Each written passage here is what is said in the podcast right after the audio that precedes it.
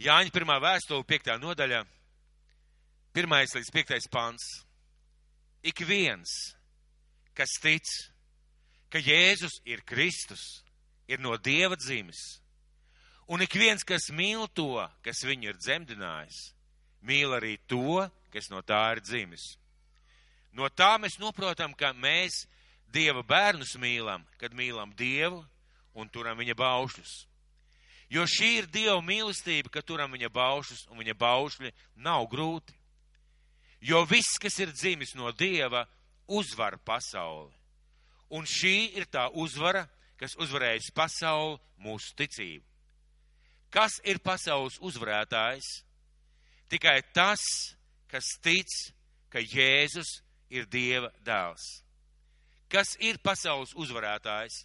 Tikai tas, kas tic, ka Jēzus ir Dieva dēls.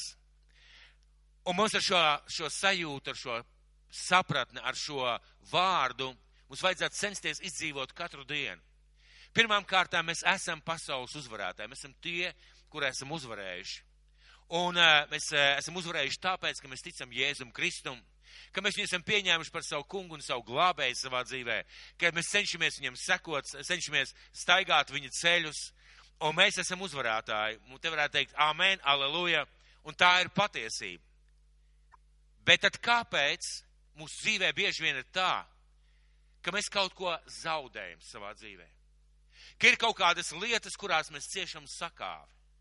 Mēs kaut ko neiegūstam, kaut ko zaudējam, apņemamies un neizdaram, kaut ko palaižam garām.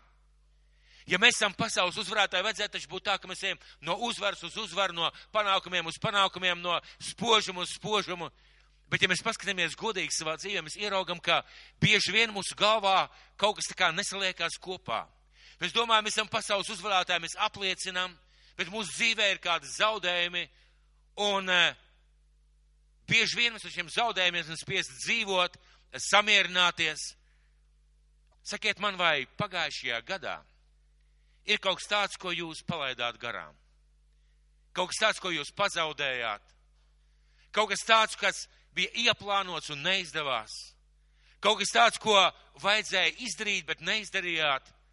Varbūt veselībā, varbūt savā darbā, savā karjerā, savā izglītībā, varbūt savās finansēs, varbūt kādās attiecībās ar cilvēkiem un attiecībās ar Dievu. Vai ir kaut kas tāds, kam vajadzēja notikt kā pasaules uzvarētājiem, kā ticīgiem, bet kas nenotika? Mirklīt padomāsim. Jautājums, kāpēc tā notiek? Un es šodien gribētu padalīties ar vārdu, ko svētais gars man deva pagājušajā gada beigās, kad es lūdzu par šo gadu. Un eh, ticiet vai ne, šis vārds izmainīja manas domas, kādā, manas domāšana kādās lietās. Šis vārds reāli mainīja manu domāšanu. Šis vārds palīdzēja man pavisam savādākām sajūtām iet šajā jaunajā gadā. Un eh, šis vārds, viņš ne tikai palīdzēja man iet, viņš reāli strādā. Šis vārds reāli piepildās. Es varu tā minēt vismaz trīs vai četras liecības, ka šis vārds, ko Dievs man deva, reāli piepildījās. Un tikai tāpēc piepildījās, ka es ieklausījos šajā vārdā, es pieņēmu šo vārdu, es sāku darīt to, ko šis vārds saka, un atnāca izmaiņas, atnāca uzvara, atnāca ļoti brīnišķīgi, lieliski rezultāti. Un es gribētu likt katram pie sirds, mīļie draugi. Varbūt ir kādi dievkalpojumi, kuros mēs noklausāmies, ā, bija labi, bija slikti, varbūt nebija tik labi, bet es gribētu jūs ļoti aicināt. Tiešām aicināt, ieklausīsimies šajā vārdā. Un es ticu, ka katram, kas klausīsies šo dievkalpojumu un pārdomās, kas noklausīsies kristīgajā radio vai vēlreiz pārklausīsies mājas lapā, būs svētība un būs laba rezultāta. Kāpēc es to zinu? Manā dzīvē tas notika. Jo tas ir Dieva vārds. Pirmām kārtām Dieva vārds, otrām kārtām manā dzīvē tas tiešām reāli strādā un nostrādāja. Un vārds, ar kuru šodien es gribētu dalīties priekš visiem, saucās atgūt zaudēto un iegūt vairāk. Atgūt zaudēto un iegūt vairāk. Divas lietas. Atgūt zaudēto un iegūt vairāk.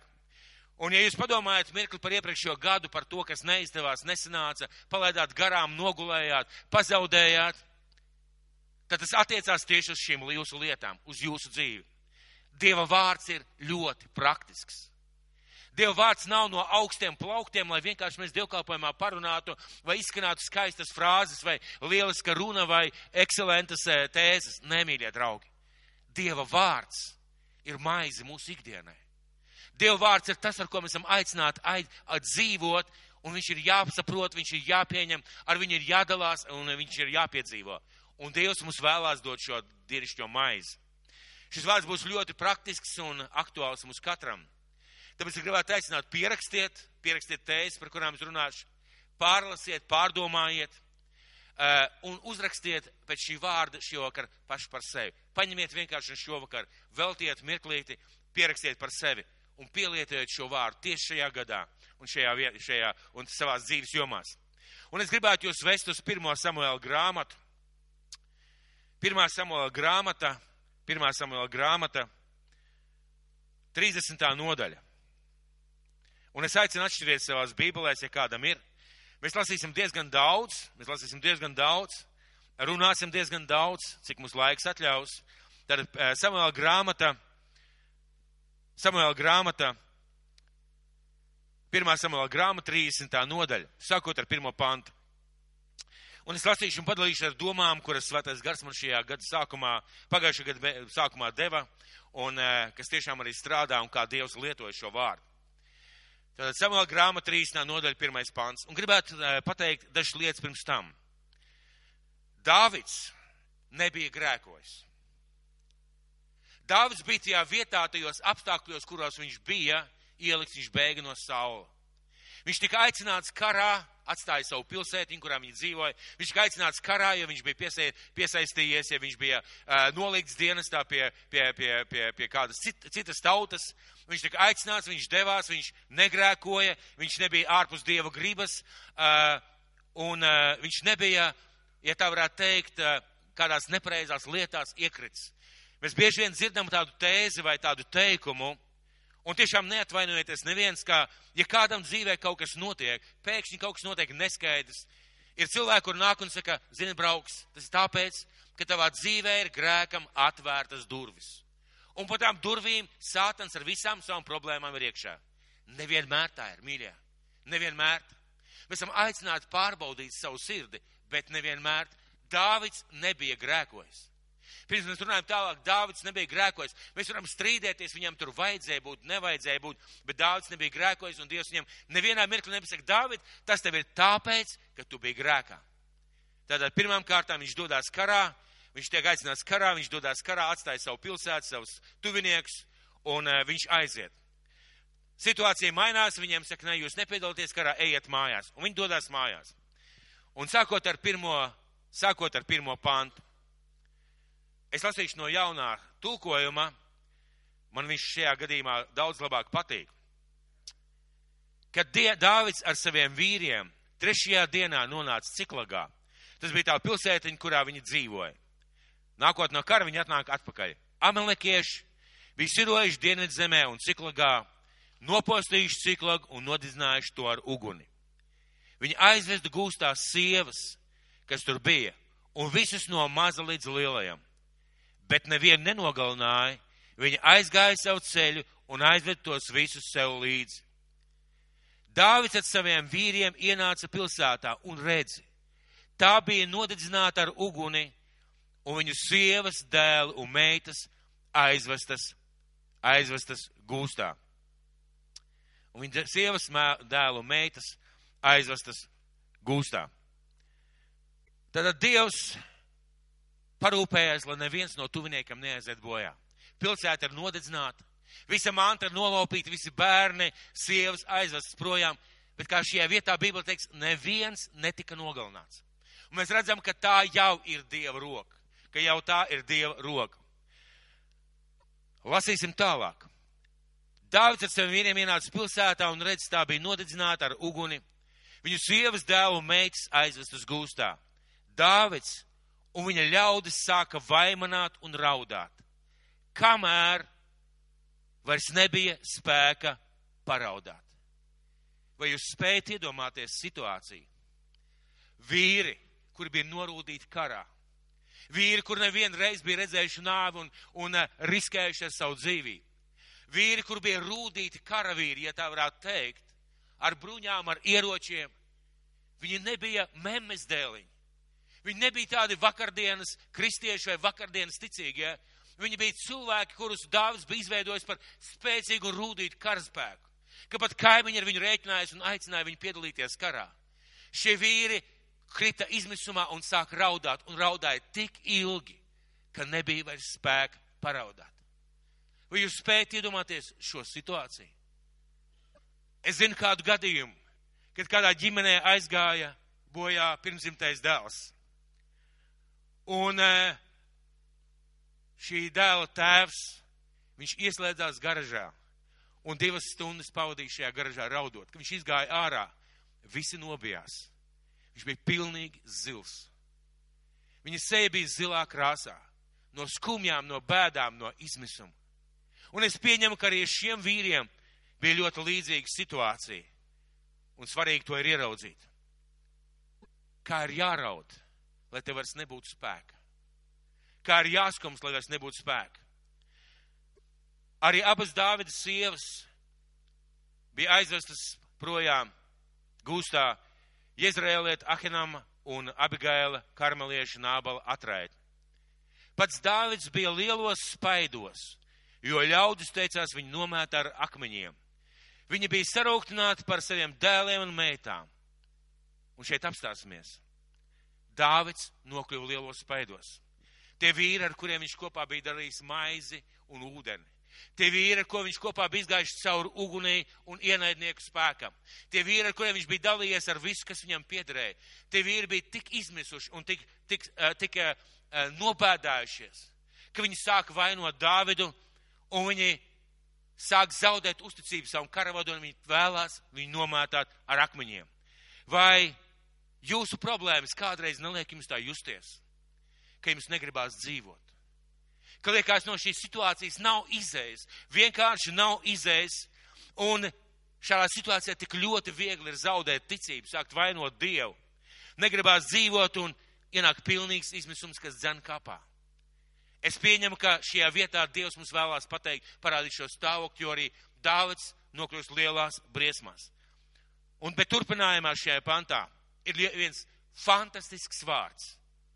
Tomēr Dāvids guva spēkus kungā savā dievā un vecajā tulkojumā. Bet Dāvids ieguva jaunus spēkus, paļaudamies uz to kungu savu dievu. Tā vietā, lai bēgtu, tā vietā, lai padotos, tā vietā, lai pieņemtu zaudējumu, vai sākt vainot dievu vai vainot cilvēkus, Dāvids meklē mierinājumu dievā. Dāvids bija cilvēks, kurš bija vedis karus. Dāvids bija cilvēks, kurš bija skatījies nāvei acīs.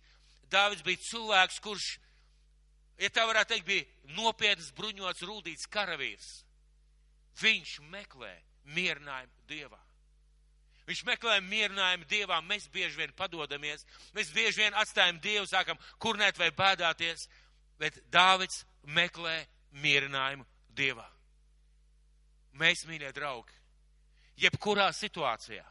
Bībele saka, ka Dievs skaita savu bērnu asaras. Vienā vietā teiks, ka Dievs skaita viņa bērnu asaras. Tik daudzās vietās Dievs ir apliecinājis, ka es būšu kopā ar tevi, ka tu esi cauri jūrai, cauri bēdām. Ja tu tici uz Kristus, nozīmē, ka viņš būs kopā ar tevi. Un tas, kas mums ir jādara, tas, ko Dāvids darīja, viņš meklēja mierinājumu Dievā. Un tad tālāk sako vēl interesants stāsts. Kas notiek tālāk? Un meklējot Dievu, meklējot Dievu, mierinājumu Dievā, viņš saprot, ka viņš grib prasīt vārdu Dievam. Un Dāvids teica priesteriem Abjatāram, Ameleha dēlam, jau nes šurpan efodu, tas ir šīs tā lūkšana saga, Abjatārs atnesa efodu Dāvidam. Un Dāvids izjautāja kungu, Vai man zīties pakaļ šai bandai, vai es tos panākšu? Vai man zīties pakaļ šai bandai, un vai es to panākšu? Un kaut kas pēkšņi mainās. Skatieties! Tā vietā, lai aizbēgtu, tā vietā, lai es turpinātu padoties izmisumam un turpinātu raudāt, Dāvids atrod mierinājumu Dievā. Pie Dieva kājām mēs varam atrast mierinājumu pie Kristus kājām. Un šajā situācijā viņš nevis vienkārši raud, skumst, bēdājas un saņem mierinājumu no Dieva. Viņš sāk prasīt Dievam, Dievs, man ir vajadzīgs vārds no tevis. Es gribu saņemt vārdu no tevis. Ko man ar to darīt? Ziniet, te, kad mēs piedzīvojam savā dzīvē zaudējumus, mums vajag saņemt vārdu no Dieva. Dievs, ko man ar to darīt? Ja es kaut ko zaudēju, palaidu garām, Dievs, ko man ar to darīt? Pajautāt Dievam. Un mēs nedrīkstam samierināties un pieņemt šo situāciju. Uh, viņš nesamierinās, viņš nepieņem, viņš jautā, ko darīt. Un 8. pantā, šajā pantā turpinājumā, un viņš tam atbildēja, Dievs viņam atbildēja, dzenies, jo tu noteikti panāksi un visu atgūsi. Un Dāvids jautāja, Dāvids izjautāja kungu, vai man dzīties pakaļ šai bandai, vai es to panākšu. Un viņš tam atbildēja, dzenies, jo tu to noteikti panāksi un visu atgūsi. Un Dieva vārds pagriež visu daudz savādāk. Kad Dāvids saņem šo vārdu, viss pagriežās daudz savādāk. Dāvidam ir vārds, Dāvidam ir ierocis. Kad mēs saņemam vārdu savai dzīvei, kādai sfērai no Dieva, mums ir ierocis. Jo šis vārds apliecina, ka Dievs būs blakus, ka tā ir viņa griba, ka mēs varam iet kopā ar viņu, ka viņš būs blakus. Mums ir jānotic. Jānotic, kad mēs saņemam vārdu, mums ir jānotic. Un 9. pantā. Tad Dāvids un viņa 600 vīru devās ceļā un nonāca pie Bešaras strauta, kur daļa no viņiem palika. Dāvids ar 400 vīriem turpināja vajāšanu, bet 200 vīri, kas tur bija novārguši, šķēr, kas bija pārāk novārguši, lai šķērsot Bešaras strautu, palika tur. Dāvids bija pirmais, kas gāja. Viņu vainoja, viņu centās nomētāt ar akmeņiem. Viņš bija pirmais, kas gāja, viņš gāja pa priekšu. Viņš varēja palikt. Ieklausieties, mīļie draugi, cik bieži mēs, mēs saņemam vārdu no Dieva. Kāds atsūta kādu īziņu, vai mēs lasām Bībeli, un Dieva vārds mūs uzrunā, ka ir izēja, ir risinājums, ir rezultāts. Mēs it kā saņemam šo vārdu, un it kā noliekam plauktiņā, un it kā noticam, un tajā pašā laikā nenoticam. Dāvids varēja padomāt, ka neizdosies. Dāvids varēja nozinot, padomāt, kas zina, cik tālu šie cilvēki ir aizgājuši, šī banda ir aizgājusi. Dāvids varēja padomāt, vai ir vērts to darīt. Bet viņš saņēma vārdu, un viņš dodās darīt to, ko debes tēvs viņam pateica. Kad mēs saņemam vārdu, mīļie cilvēki, mūsu dzīvē, mums ir jādodas darīt to, ko Dievs mūs aicina darīt. Ko svētais gars mūs aicina darīt. Mums ir, un pēc, ziniet, vieglāk ir raudāt. Vieglāk ir raudāt. Vieglāk ir skumt, vieglāk ir bēdāties, vieglāk ir padoties, vieglāk ir atstāt visu. Tas ir daudz vieglāk. Daudz atrod mierinājumu Dievā. Viņš prasa Dievs, kāds ir tavs vārds, kāda ir tava griba manai dzīvē šajā situācijā. Un, mīļie draugi, es esmu minējis par šīm septiņām dzīves sfērām uz dzīvē - garīgā, ģimene, finanses, izglītība, kalpošana.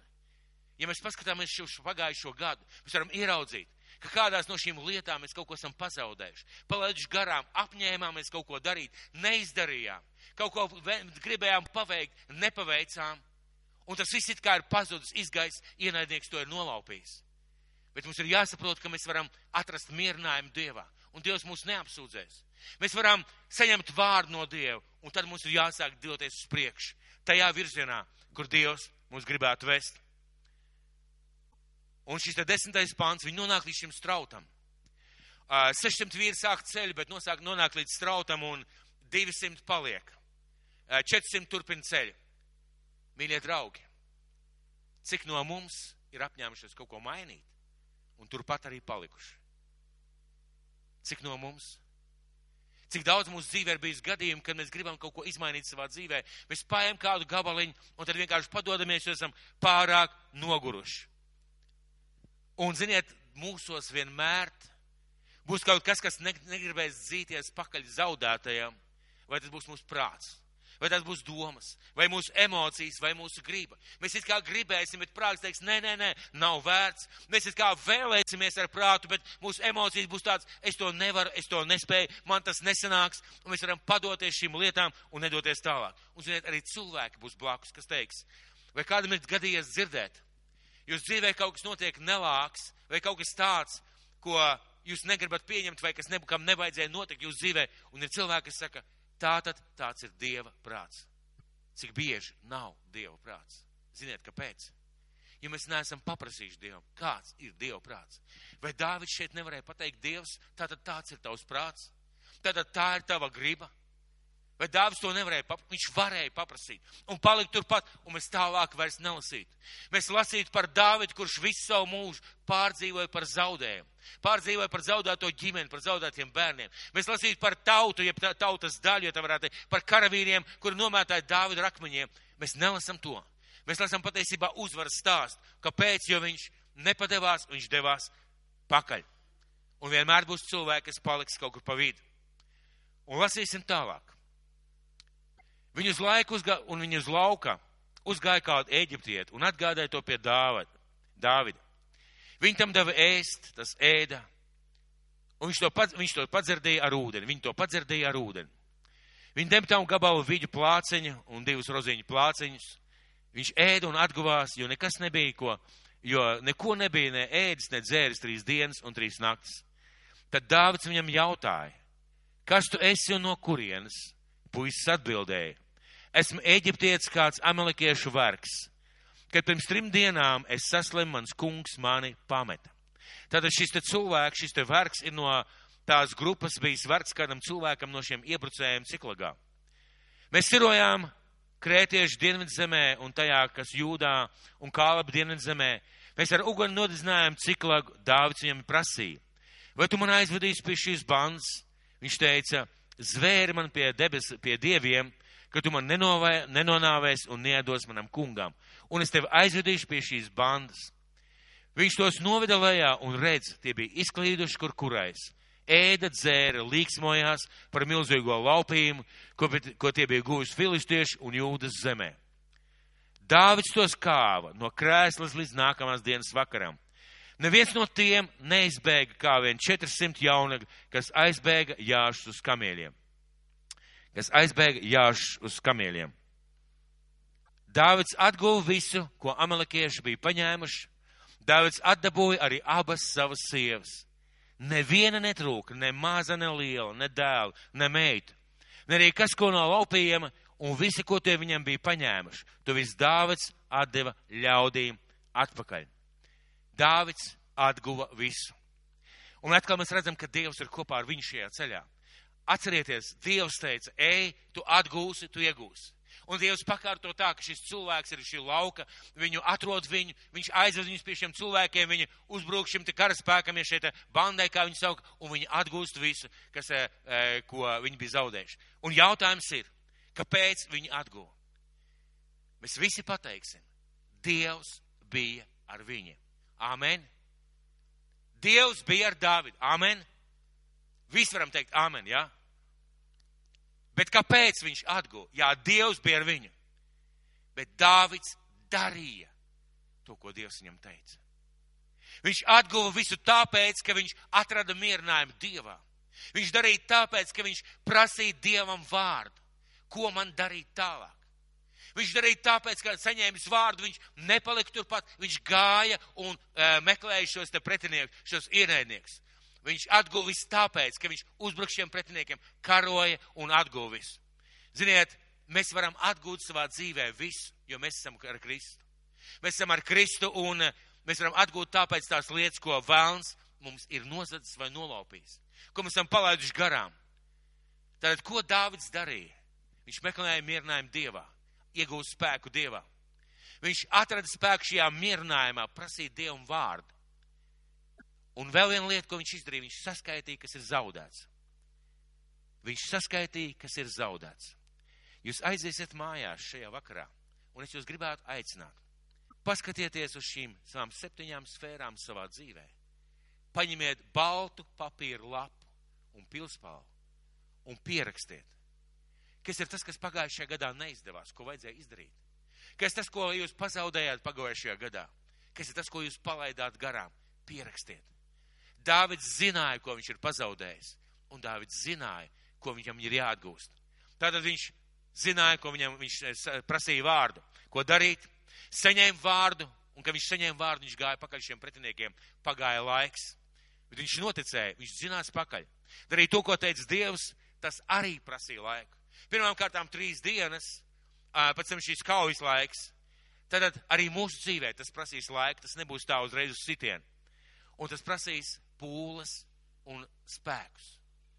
Tas prasīs pūles un spēkus. Kad Dievs mums dod uzvaru, tas nekad nav tā vienkārši. Tāpat. Es savā dzīvē tik reti esmu piedzīvojis, ka bez manām pūlēm vienkārši tāpat hop un kaut kas notiek. Jauniem kristiešiem tik bieži veidzās, ka mēs skatāmies uz cilvēkiem, kuri tikko noticējuši Kristam. Man reizēm ir balta laba skaudība. Viņš vienkārši palūdza, un viņam notiek. Viņš vienkārši paprasīja Dievam, un, un momentāli notiek. Viņš vienkārši teica, Dievs, man vajadzētu to un to, man vajadzīga tavu palīdzību, un vienkārši notiek. Bet, ziniet, mīļie, mīļie, jo vairāk mēs pavadām laiku kopā ar Dievu, jo ilgāk mēs esam kristieši, Dievs kaut kā sarežģīja šo ceļu. Tāpēc, lai mēs augtu, tāpēc, lai mēs mainītos, tāpēc, lai mēs norūdītos. Un eh, Dāvids paprasīja šo vārdu, dzinās pakaļ, tas prasīja laiku. Viņš karoja ar ienaidnieku. Viņš uzbruka šim ienaidniekam, un Dievs bija blakus. Viņš kārtoja apstākļus, jo Dāvids darīja to, ko iepriekš Dievs viņam bija pateicis. Un lasīsim tālāk. Tad Dāvids atguva visu, ko bija amalekieši bija paņēmuši. Dāvids atdabūja arī abas savas sievas. Neviena netrūka, ne maza, ne liela, ne dēla, ne meitu. Ne arī kas no laupījiem, un visu, ko tie bija paņēmuši, to visu Dāvids atdeva ļaudīm atpakaļ. Sev Dāvids ņēma visas avis un vēršus. Viņi dzintos pa priekšu viņa ganāmpulkiem, saugdami, šis ir Dāvida laupījums. Un Dāvids atgriezās pie tiem 200 vīriem, kas bija pārāk novārguši, lai sekot viņam un kurus tie bija atstājuši pie besaras strauta. Viņi iznāca pret Dāvidam un viņa pulkiem, un Dāvids pienāca pie viņiem un sveicināja ar mieru. Bet visi ļaunie un uh, nelietīgie starp tiem, kas bija gājuši kopā ar Dāvidu, runāja. Mēs ar viņiem nedalīsimies laupījumā, ko esam atguvuši tāpēc, ka šī nenāca kopā ar mums. Atdosim tikai katram viņa sievu un bērnus, un lai ņem un staigā. Bet Dāvids teica, tā nedariet, mani brāļi. Ar to, ko kungs mums devis, viņš mūs ir pasargājis un nodevis mūsu rokās to bandu, kas bija pret mums. Kā lai paklausu jūsu vārdiem, tiem, kas palikuši pie mantas, pienāks tāda pati daļa kā tiem, kas gājuši karā, lai visi dalās. Un tas aizvien kopš tās dienas viņš padarīts par likumu un tiesu Izrēlā līdz pat šai dienai. Šeit vēl kāda interesanta lieta. Viņi padalās ar visiem, ar visiem, kas palika pie šī strauta. Ko man tas pasaka? Ko mums, mīļie draugi, tas pasaka, padalīsimies ar savu uzvaras prieku, pat ar tiem, kas teica, tev neizdosies. Pat ar tiem, kas teica, samierinies. Pat ar tiem, kas teica, ka Dieva miers ar tevi, tad tāda ir Dieva griba. Padalīsimies ar savu uzvaras prieku. Un ziniet ko? Vēl padalīsimies paši ar sevi. Ziniet, kāpēc? Ja tavs prāts teica, tas nav iespējams, tu to neizdarīsi, bet tavs emocijas veda tev šajā kaujā un tu atguvi. Padalies ar savu prātu un pasaki, Jāni, Paskaties, kas ir noticis. Vienkārši apstājies, paskaties uz apstākļiem. Ja tavas emocijas bija, ka teica, es nespēšu, es nevarēšu, bet prāts teica, ej, dari, un tu to darīji, bet tev visu laiku bija kaut kāda iekšēja pretestība, vai nogurums, vai bailes, vai šaubas, un tomēr tu to darīji. Tu atguvi zaudēto, padalies ar savām emocijām. Paskaties uz savu stāvokli un saki, es taču varu kļūdīties. Manas emocijas var melot. Izrādās, ka mans garastāvoklis nav tas, kas nosaka manu dzīvi. Dievs ir man, tas, kas nosaka manu dzīvi. Padalies pats ar sevi un padalies ar tiem, kas teica, ka neizdosies. Un lasam tālāk. Dāvis atgriezās ciklagā un no laupiem nosūtīja daļu jūdas vecajiem saviem draugiem sacīdams. Te jums svētība dāvana no laupiem, kas atņemts kunga ienaidniekiem nosūtīt tiem, kas Bētelē, tiem, kas rā, rā, Rāmot negabā, tiem, kas, jat, tiem, kas Jatīrā, tiem, kas Aroērā, tiem, kas Simfodā, tiem, kas Eštamā, tiem, kas Rahālā un tiem, kas e, Jerehmaēliešu pilsētās. Piedodiet, tie vārdi ļoti sarežģīti. Tiem, kas kanāniešu pilsētās, tiem, kas Homā, tiem, kas Barašanā, tiem, kas Atahā, tiem, kas Hebronā un visur, kur Dāvids un viņa vīri bija staigājuši. Dāvids aizsūta daļu no laupiem. Ziniet, ko tas saka? Tas saka, ka viņš atguva daudz vairāk. Daudz vairāk, nekā viņš bija pazaudējis. Daudz vairāk, nekā viņi bija nolaupījuši. Viņš iegūta daudz, daudz vairāk, nekā bija zaudējuši. Ziniet, un Jēzus Kristus ir mūsu kungs. Un kopā ar viņu mēs varam atgūt visu, ko esam zaudējuši, un iegūt daudz vairāk. Daudz vairāk. Un dažās lietās es gribētu padalīties ar tādām kā lietām, kā secinājumiem, kā tādiem uh, punktiem, kā secinājumiem no tā vārda, ar ko es dalījos. Un pats galvenais, pats galvenais, ko Dāvids ieguva, viņš ieguva neatsveramu pieredzi. Viņš ieguva neatsveramu pieredzi. Mīļie draugi, tas, kad mēs tādā veidā rīkojamies un darām, mēs iegūstam neatsveramu pieredzi. Un tā jau ir mūsu pieredze. Tā nav Jāņa, tā nav Pētera, tā nav Annas pieredze. Tā ir mana pieredze. Ka kopā ar Dievu es atgūtu to, ko vēlams man bija nolaupījis. Ka kopā ar Dievu es atjaunoju attiecības, kuras bija aizgājušas un izdilušas. Ka kopā ar Dievu es atgūstu savus finanses, es atgūstu savu veselību, es atgūstu mieru kopā ar Dievu sāku darīt lietas, kuras es nekad varbūt nebūtu atstājis, nebūtu darījis, jo palaidu to garām. Kopā ar Dievu mēs varam atgūt, un ziniet, varam atgūt daudz vairāk. Daudz vairāk nekā mēs bijām zaudējuši. Un lūk, dažas lietas, ar kurām es gribu padalīties kā ar secinājumu, kā ar tādiem soļiem, kā ar principiem, un es gribētu atzīmēt un atkārtot. Pirmā, pirmā lieta, pat ja mēs esam dievbīgi, taisni cilvēkus, kādu mēs visi aicinām būt. Ienaidnieks var ielausties mūsu dzīvē, viņš var censties mums kaut ko nolaupīt, un reizēm viņš to var izdarīt, un Dievs reizēm pieļauj. Kad mēs piedzīvojam zaudējumu, mums ir jābeidz gausties. Jā, mēs varam paraudāt, bet mums jābeidz gausties, jābeidz raudāt, jābeidz sūdzēties. Mums ir jāraud, bet ziniet, mums ir jābeidz vienā mirklī raudāt. Un mums ir jāmeklē mierinājums pie Jēzus kājām, mūsu Dievā. Mums ir jāiet pie viņa, jāatrod šis mierinājums. Un tad saskaitīsim un uzrakstīsim, ko esam pazaudējuši. Mīļie draugi, goda vārds. Es šī gada sākumā gavēju nedēļā. Es paņēmu katru no šīm septiņām sfērām ļoti godīgi un uzrakstīju visu, ko es biju apņēmies, ko es gribēju izdarīt, kur es kaut ko palaidu garām, ko vēlams ir nolaupījis. Es saskaitīju visu. Un es prasīju Dievs, ko man šajā lietā darīt. Ko man darīt ar to, ko man darīt ar to, ko man darīt ar to. Un Dievs deva vārdu. Viņš cēla augšā atmiņas, ko es biju ieplānojis kādreiz izdarīt. Viņš cēla augšā apņemšanos, vēlēšanos mainīt kaut ko. Ne viss man ir izdevies, daudz kas vēl ir priekšā, bet mana iekšiena mainījās. Ziniet, kāpēc es atradu mierinājumu Dievā? Es saskaitīju, kas ir zaudēts, un es saņēmu vārdu no Dieva. Un esmu pilns apņēmības dzīties pakaļ. Tātad meklējam mierinājumu pie Jēzus kājām, ejam pie viņa. Saskaitam un uzrakstam, kas zaudēts šajās septiņās mūsu dzīves sfērās. Prasiet svētajam garam vārdu, lai dot tev vārdu. Lai dot tev vārdu, ko darīt. Ja kādam ir problēmas ģimenē, prasi vārdu. Nesamierinās vienkārši. Neļauj vēlnam bradāt pa tavu ģimeni. Neļauj vēlnam laupīt tavus finanses. Neļauj vēlnam laupīt tavas attiecības, tavu ticību, tavu, tavu mīlestību uz Dievu, uz daudzām citām lietām. Neļauj vēlnam nolaupīt tavu kāpošanu. Prasi Dievam vārdu. Dievs, kāds ir tavu tavs vārds manā dzīvē tieši šajā, šajā situācijā? Prasi Dievam vārdu. Un varbūt būs lietas, par kurām Dievs skaidri pateiks, atlaid. Atlaid to. Bet, zini, tad tev būs miers. Tad tev būs miers. Jo ir cilvēki, kas aiziet mūžībā, un varbūt tas ir pazaudēts uz mūžu. Ir situācijas, kas izmainās.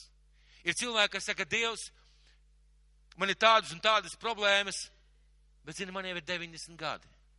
Varbūt Dievs pateiks, viss kārtībā, nodzīvo līdz 100 gadiem ar savu problēmu. Tā nav problēma. Ziniet, man gribētos prasīt, tumšus matus, kā man kādreiz jaunībā bija. Nu, laikam, laikam būtu muļķīgi prasīt pareizi. Un būtu vēl muļķīgāk krāsot, vai ne? Jūs visi uzreiz pamanīt. Būs lietas mūsu dzīvē, kuras mēs vairs nevarēsim atdabūt vai neatgūsim, bet tad mūsu Dievs arī dos mieru un, mieru un klusumu par šo lietu. Bet prasam vārdu Dievam.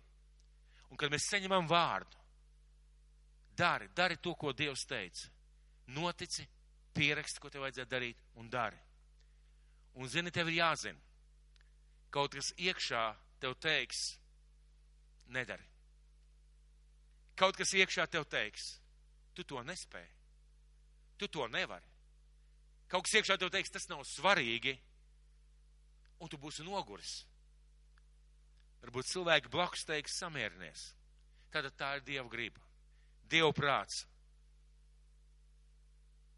Varbūt cilvēki teiks, tu jau pagājušajā gadā to apņēmies darīt. Ko tu saki, ka tu atkal darīsi? Tu jau trīs gadus atpakaļ teici, ka tu kaut ko sāks mainīt savā dzīvē. Liecies mierā, tas nav taisnība, nekas nenotiks. Es tev vairs neticu. Vienalga, dari. Apņemies un vienalga dari. Jo priekšā ir tas, ko Dievs ir apsolījis. Tu atgūsi to. Tu atgūsi to, ko vēlns ir paņēmis projām. Un atceries, ienaidnieks tev vienkārši tā to neatdos. Vienkārši tev tā to neatdos. Nebūs tā, ka tu nolēmi, ka tu vēlies sakārtot savas attiecības ar Dievu. Tu pieņēmi lēmumu, tu saņēmi vārdu, pavadi mani ar Dievu, lūkš, ar, ar mani lūkšanu istabā laiku, un nākšā dienā tu pamodīsies un tev nenāks miegs. Nebūs tā, ka tu saproti, ka tev ir vairāk jālasa Bībeli, jo tavs attiecības ar Dievu nav tādas, un vēlams kaut ko nolaupīs un apzadis. Tu, sāk, tu gribēsi lasīt Bībeli, un tev var gadīties, ka nāks miegs. Atceries, tev būs jācīnās. Vēlns vienkārši neatdos tev atpakaļ savu laupījumu. Viņš vienkārši to neatdos līdzīgi kā Dāvida gadījumā. Tev būs jācīnās ar lūkšanām, jāpieliek fiziskais spēks, garīgais spēks. Ar darīšanu jācīnās un ar savu ticību darīt to, ko tu vēl gribētu darīt. Un dari, kamēr atgūsti. Es zinu daudzus cilvēkus. Es tiešām zinu daudzus cilvēkus, kas, kuriem bijis lieliska vīzija par savu dzīvi. Lieliski mērķi dzīvē. Vai es kaut ko beigšu darīt, vai es kaut ko sākšu darīt, vai es došos kaut kādā virzienā, vai es vēlos kaut ko sasniegt. Un neilgi pirms rezultāta sasniegšanas cilvēks vienkārši padodās, vienkārši apstājās. Dāvids neko nebūtu ieguvis, ja viņš cīņai pa vidu būtu apstājies. Viņš neko nebūtu atguvis atpakaļ. Bet viņš vienkārši turpina šo cīņu, kamēr viņš visu atgūst. Dari, kamēr atgūst. Vai sakārto lietas, vai tu izlauzīsies, vai arī tev būs rezultāts tavā dzīvē. Un zini vēl vienu lietu, padalies ar savu prieku. Pirmām kārtām ar sevi, es jau teicu. Padalies ar savu prieku, ar sevi.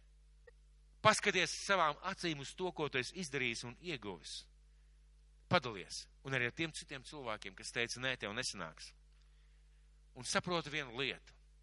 Caur to tu esi audzis. Tu esi audzis.